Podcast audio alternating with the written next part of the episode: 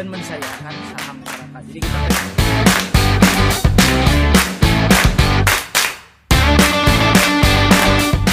beda sama Jakarta kalau orang Bandung tuh uh, pasti investasiin buat sekolah anak. Golf itu something new. Kupu-kupu mungkin. Eh, ayahku tuh satpam gitu kan. Di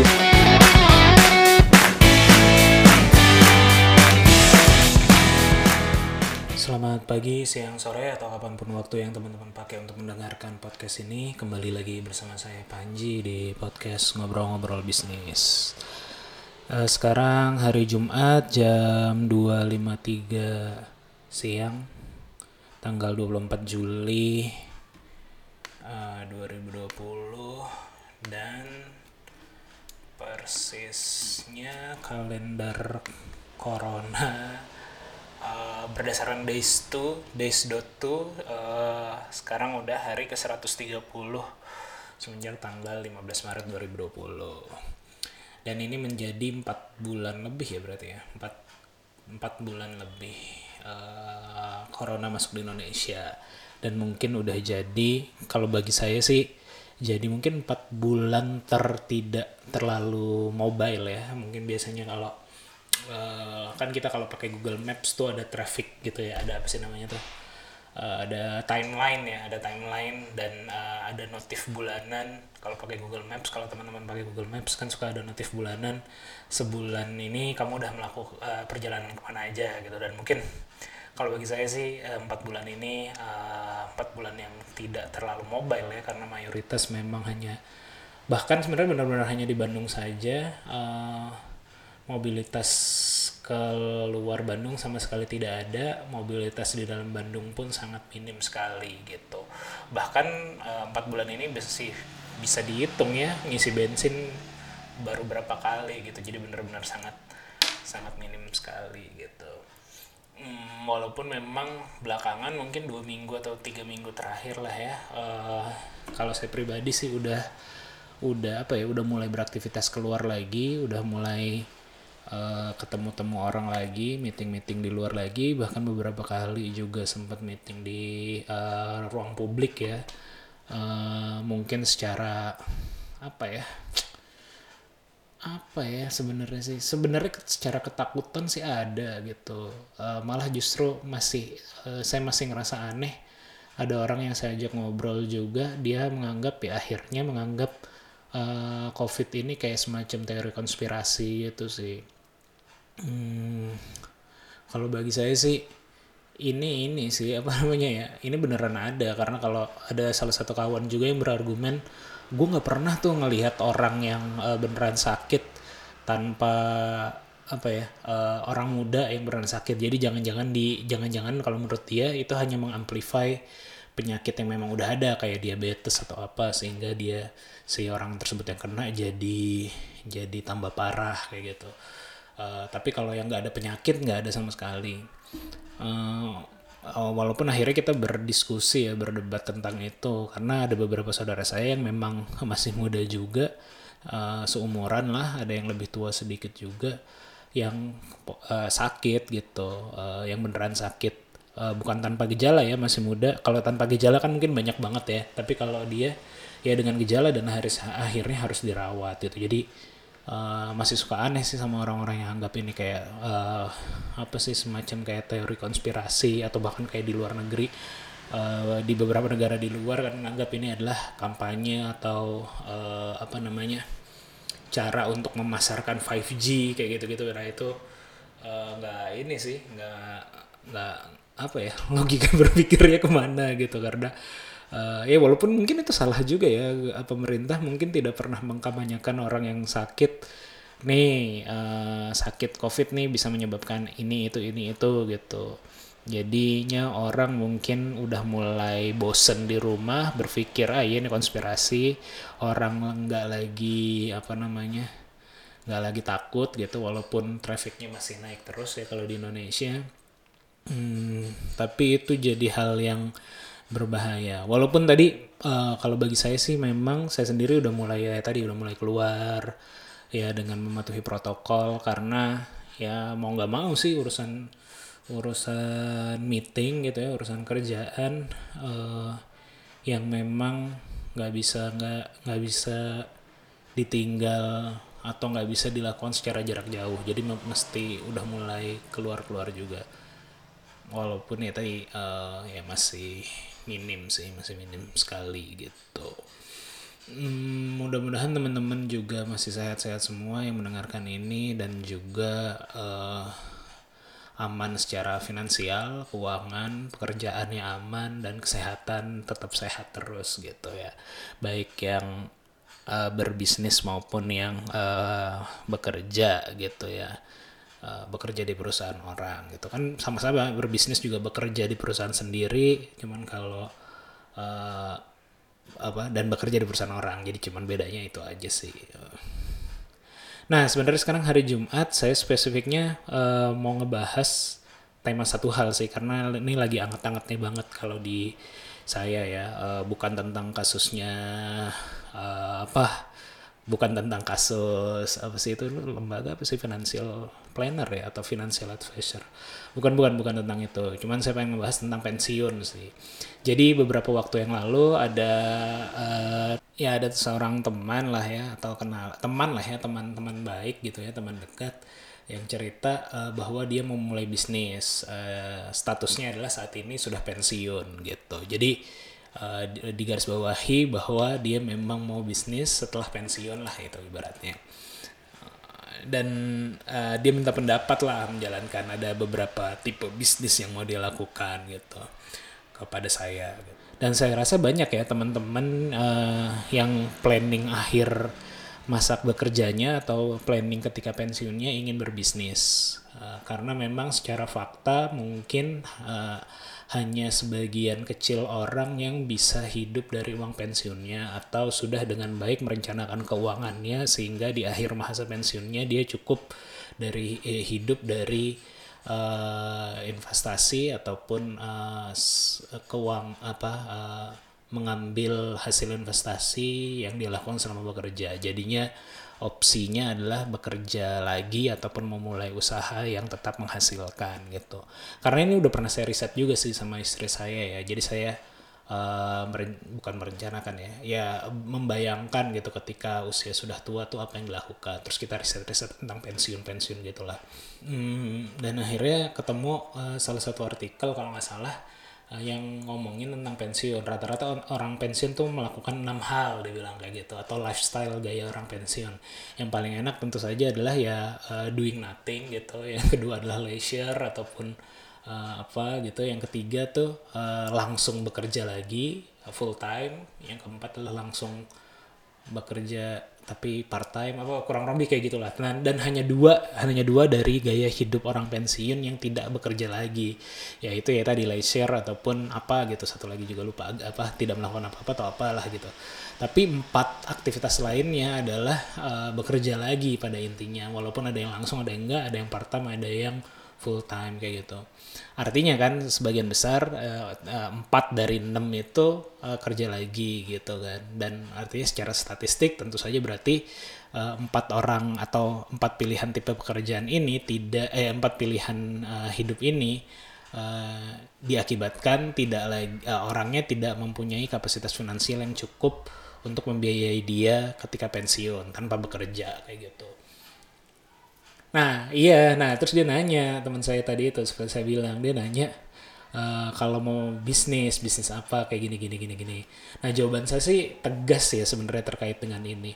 Kalau dia tidak pernah bisnis sebenarnya, eh, kalau dia tidak pernah bisnis dan tidak punya cadangan uang lain untuk melakukan bisnis di usianya itu, eh, yang di ya di usia yang sudah eh, tua itu gitu ya sudah senja itu lebih baik jangan bisnis sih sebenarnya kalau menurut saya karena kalau kalau saya sih eh, secara pribadi eh, pengalaman ngelihat eh, pensiunan bisnis tuh sangat tidak eh, menyenangkan lah ibaratnya Eh, yang paling real adalah ya orang tua saya gitu. Bapak saya tadinya bekerja seumur hidupnya sebagai PNS.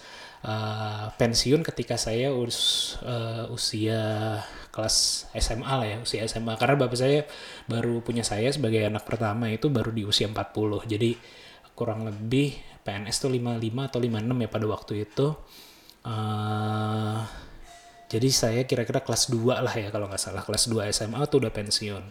Dan waktu itu ke, uang pensiunnya ya kalau PNS mungkin relatif lebih aman karena tetap dapat uang bulanan. Jadi eh, bapak saya waktu itu bisnis lah ibaratnya. Atau eh, dengan cara yang mencairkan lebih dulu uang eh, pensiunnya melalui bank kayak gitu ya melalui bank pensiun gitu ya. Nggak usah saya sebut mereknya.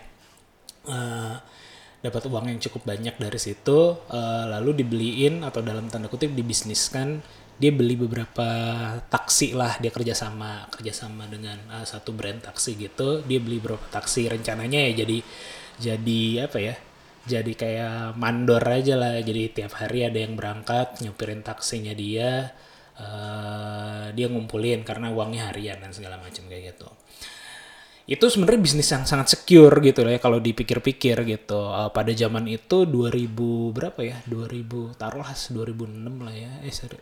ya sekitar 2005 2006 dan mungkin uh, itu itu belum ada ojek online belum ada taksi online jadi relatif sangat-sangat bagus gitu dengan setoran harian yang udah ditetapkan oleh bapak saya di luar uang bensin dan macam-macam kayak gitu. Harusnya itu jadi bisnis yang sangat bagus dan cukup untuk menunjang kehidupan dan penghidupan dia eh, secara pensiun. Dan juga mungkin untuk membiayai saya waktu itu masih eh, sekolah gitu dan adik saya gitu. Dipikirnya mungkin seperti itu. Tapi pada kenyataannya ternyata amburadul gitu. Pada kenyataannya bisnisnya bermasalah dan akhirnya bengefek kepada kesehatan bapak saya yang juga bermasalah gitu dan pada keuangan keluarga yang menjadi bermasalah juga gitu. Karena jadinya kan uang pensiunnya jadi jadi tinggal sedikit gitu ya. Karena udah kepotong eh, cicilan kayak gitu-gitu dan si taksinya ini beberapa unit itu mangkrak lah. Ibaratnya eh, ibaratnya tidak berjalan lah bisnisnya. Saya nggak usah cerita detail terkait apa yang terjadi pada saat itu gitu.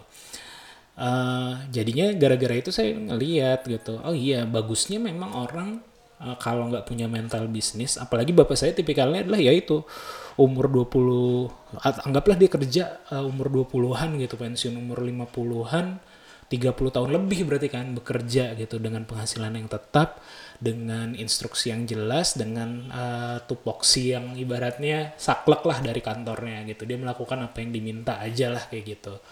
Eh, berjalan 30-an tahun dan ketika pensiun di usia yang sudah eh, tua gitu ya eh, mungkin juga daya pikirnya agak eh, menurun eh, secara mental juga sudah tidak bisa dibentuk lagi gitu sehingga tidak bisa eh, tidak bisa merubah eh, cara dia bekerja gitu.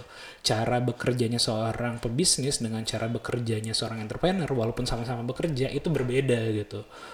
Entrepreneur lebih banyak atau pebisnis lebih banyak eh, apa ya eh, improve gitu mungkin ya. Kalau saya bisa eh, apa ya mengambil clue gitu ya atau mengambil mengambil keyword mungkin ya, pebisnis tuh lebih banyak eh, apa improv ya bukan improv sih lebih banyak improv gitu lebih banyak eh, melakukan tindakan yang tidak eh, terplan atau tindakan yang eh, apa ya eh, ya improv lah bukan bukan bukan benar-benar terencana. Menghadapi situasi tertentu dia harus melakukan apa. Menghadapi situasi tertentu eh, lainnya dia harus melakukan apa. Biasa dengan ketidakstabilan biasa dengan perubahan biasa bisa mengambil keputusan dengan ya tadi data-data yang diambil dengan cepat kayak gitulah ya. Sedangkan kalau eh, bapak saya terutama PNS eh, bap- eh, PNS terutama khususnya bapak saya adalah eh, ya dia biasa tadi dengan stabil dan segala macam segalanya terarah gitu. Sehingga eh, apa ya sehingga ya tidak bisa menjalankan bisnis kayak gitu sih. Dan itu membekas banget di saya karena itu membuat saya ya salah satunya saya berbisnis ya gara-gara eh, itu juga gitu gara-gara mesti membenahi yang tadi yang eh, efek negatif yang ditimbulkan oleh eh, keputusan yang tidak tepat pada waktu itu gitu oleh orang tua saya jadi ketika teman saya ini nanya gitu atau eh, rekan saya ini nanya, eh, saya prefer lo kalau nggak ada selama ini tidak pernah melakukan bisnis atau tidak eh, apa ya, tidak melakukan eh, dan dan eh, tidak melakukan bisnis dan tidak punya dana cadangan lagi lebih baik jangan sih karena akan menyusahkan diri sendiri gitu ya. Akan menyusahkan diri sendiri dan mungkin nanti akan menyusahkan eh, ke bawah gitu ke anak atau ke eh, lingkungan terdekatnya gitu. Itu sih sebenarnya jawaban saya saklek. Kalau kamu punya eh, cadangan dana cadangan simpenan lain ada ruang sedikit untuk berbisnis atau investasi dan menjalankan bisnis itu sendiri itu itu oke lah gitu. Karena hitungannya bisa hilang aja dananya di situ dan sebenarnya itu sih makanya dan mental sih mental tidak bisa di shape tidak bisa dibentuk lagi di eh, usia-usia yang sudah lanjut sih menurut saya. Makanya kalau mau bisnis ya mendingan dari muda gitu di usia-usia yang masih prime yang masih kalau mau belajar masih bisa nerima kayak gitu-gitu sih kalau menurut saya ya. Cuman gara-gara itu eh, saya juga jadi berpikir gitu sebenarnya konsep pensiun ini kan sebenarnya konsep pensiun sendiri kan sebenarnya baru ada atau baru muncul itu setelah industrialisasi lah. Atau bahkan lebih spesifik tuh baru abad ke eh, 19 ya. Eh eh, sekarang nih 2000 tuh abad 21 20 iya abad 19 karena baru ada istilah pensiun atau retirement ya kalau bahasa Inggrisnya itu baru di tahun eh, baru di tahun-tahun 1800-an akhir gitu. Eh, kenapa ada kata pensiun bisa muncul gitu? Karena eh, life expectancy-nya atau apa ya eh, harapan hidupnya manusia tuh udah mulai tinggi gitu. Jadi tadinya sebelum masa-masa itu ya orang-orang udah pada meninggal ketika masa prime-nya lah umur 40-an, umur 50-an udah meninggal atau 60-an maksimal udah meninggal gitu ya. Tapi setelah masa-masa itu eh, apa tingkat harapan hidup meningkat gitu. Sehingga ada orang yang bisa usianya 80, bisa 90 atau 100 lebih kayak gitu gitu. Walaupun sedikit juga. Sehingga ada masanya orang-orang tidak lagi secara kapasitas fisik dan eh, daya pikir masih mumpuni untuk bekerja gitu. Karena ya kita bisa eh, apa ya eh, pahami bersama semakin tua tentu saja tentu saja daya pikir dan daya fisik itu semakin melemah gitu. Eh, jadinya baru muncul tuh karena eh, harapan hidup meningkat. Dan sekarang juga seperti itu harapan hidup meningkat makin lama makin tinggi sehingga eh, ada waktu pensiun gitu. Cuman kalau bagi saya mungkin eh, banyak orang yang berpikir pensiun itu semacam jadi kayak pelarian sih. Eh, dalam artian ah iya nanti gue pensiun. Kalau gue pensiun gue pengennya hidup enak lah eh, uang cukup untuk melakukan hal-hal yang gue senangi saja gitu. Kalau menurut saya itu agak aneh sih mindset seperti itu. Karena kan sisa hidup tuh tinggal dikit gitu. Tidak bisa kita pungkiri ya kalau udah 56 atau 60 gitu ya mungkin sisa hidup tinggal dikit lagi gitu. Mau bersenang-senang di sisa hidup itu sebenarnya agak eh, sayang gitu agak karena udah tinggal dikit mungkin makanan yang mau dinikmati juga udah tinggal dikit karena penyakit gitu. Mau pergi pergi jalan-jalan juga mungkin secara uh, fisik tidak lagi prime gitu tidak lagi prima. Uh, makanya akan sangat uh, sayang. Ya paling bagus sih sebenarnya eh, nikmatin hidup semasa kita masih bisa menikmati saja gitu ya ada salah satu yang menarik juga ya ada teman saya gitu pernah juga saya undang di podcast. Ini dia bilang dia melakukan per apa namanya sebenarnya Eh, interpolasi ya. Eh, dia melakukan inilah apa sih Eh, bikin model bikin model usia eh, kematiannya dengan eh, memasukkan data eh, usia buyutnya kakeknya bapaknya gitulah. Buyutnya meninggal umur 56 kakeknya 54 bapaknya 52 nah berdasarkan pola itu dia kira-kira meninggal umur 50 dan itu belum waktunya kalau secara kalender belum waktunya pensiun gitu kan. Itu tuh itu menarik banget sih cara pikirnya gitu. Terus akhirnya gara-gara itu dia juga jadi merubah bener-bener eh, apa ya cara dia melakukan bukan merubah ya karena karena punya daya pikir itu. Jadinya dari awal dia melakukan eh, apa ya cara bekerja atau cara dia hidup berdasarkan pola itu misalnya salah satu bentuk turunannya adalah dia tidak lagi tidak peduli dengan adanya kepemilikan aset kayak gitu karena ya tadi umur 50 udah nggak ada. Artinya kalau sekarang dia umurnya sama kayak saya 30-an gitu ya, berarti hanya sekitar 20 atau belasan tahun lagi untuk hidup. Sedangkan belum tentu kalau kalau apa namanya kalau nyicil aset KPR gitu rumah misalnya udah lunas tuh udah 15 tahun udah lunas kayak gitu kan. Jadi jadi jadi uh, pemikiran dia kayak gitu. Atau ya untuk apa punya aset lagi karena nggak bisa dinikmati nanti gitu gitulah ya. Jadi jadi uh, ada pemikiran uh, kawan saya yang seperti itu. Uh, tadi apa ya poinnya ya? Ya poinnya itu sih menurut saya sih kalau kalau saya pribadi ya kalau saya pribadi mungkin nggak akan pensiun sih. Uh, dalam artian uh, kalau nggak akan pensiun kalau itu hanya sebagai pelarian gitu. Jadi kalau kalau kita mikir pensiun sebagai pelarian sebenarnya yang aneh adalah kenapa kita menjalankan hidup uh, yang harus kita lari darinya gitu selama ini gitu sih kalau menurut saya. Jadi ya yang paling bagus adalah jangan nunggu pensiun kalau mau happy sih. Jangan nunggu pensiun kalau mau uh, melakukan hal yang kamu suka. Kalau kamu mau sukanya adalah jalan-jalan, ya jalan-jalan aja sekarang gitu ya. Cari caranya bagaimana bisa tetap jalan-jalan dan tetap menambah penghasilan gitu. Nggak usah nunggu pensiun gitu. Kalau kamu senangnya apa gitu loh. Nah kalau saya sih ya alhamdulillah uh, bekerja dengan cara saya seperti ini ya. Uh, menjalankan bisnis sendiri pun bisnisnya tidak keren-keren amat sebenarnya tidak bagus-bagus amat tapi ya bisa hidup dan cukup lah ya pun kalau untuk masa depan masih bisa uh, bertahan gitu ya masih bisa aman lah secara finansial gitu.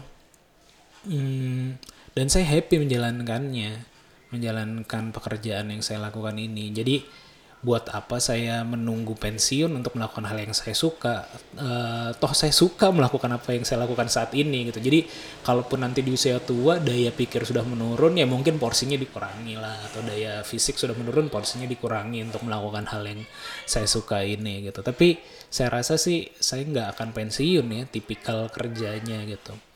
Uh, kalaupun mau jalan-jalan atau apa yang biasa dilakukan orang pensiun gitu ya. Misalnya pergi ke suatu daerah dan tinggal di sana untuk melakukan kegiatan bercocok tanam atau segala macam itu sebenarnya bisa kita lakukan saat ini juga sih. Jadi uh, ya alhamdulillah sih kalau saya uh, cuman kalau bagi teman-teman yang memang harus membagi waktunya untuk uh, apa ya berbeda apa yang dia lakukan apa yang teman-teman lakukan dengan apa yang teman apa yang teman-teman kerjakan dengan apa yang teman-teman suka ya kalau saya coba cari titik tengahnya sih mungkin ya. Dan kalau nanti pas sudah pensiun mikirnya uh, mau berbisnis menurut saya sih jangan lah kalau memang belum pernah menjalankan sama sekali atau tidak punya dana cadangan gitu. Karena uh, riskan banget sih sebenarnya. Bisnis tuh nggak mudah gitu ya. Jadi kalau nggak terasah dari muda menurut saya sih uh, akan apa namanya? Udah azan. Akan akan uh, apa ya akan banyak masalah nantinya dan nggak siap mentalnya. Ya kayak gitu. Kayak gitu aja sih nggak tahu ini uh, meracau versi keberapa cuman ya kurang lebih gitulah ya uh, buat temen-temen yang uh, atau orang tuanya mungkin ya. Kan pendengar saya nih kebanyakan umurnya rentangnya 24 sampai 35 lah ya kalau orang tuanya sudah mau pensiun dan berharap setelah pensiun melakukan bisnis, jangan sih saran saya karena nggak biasa mentalnya.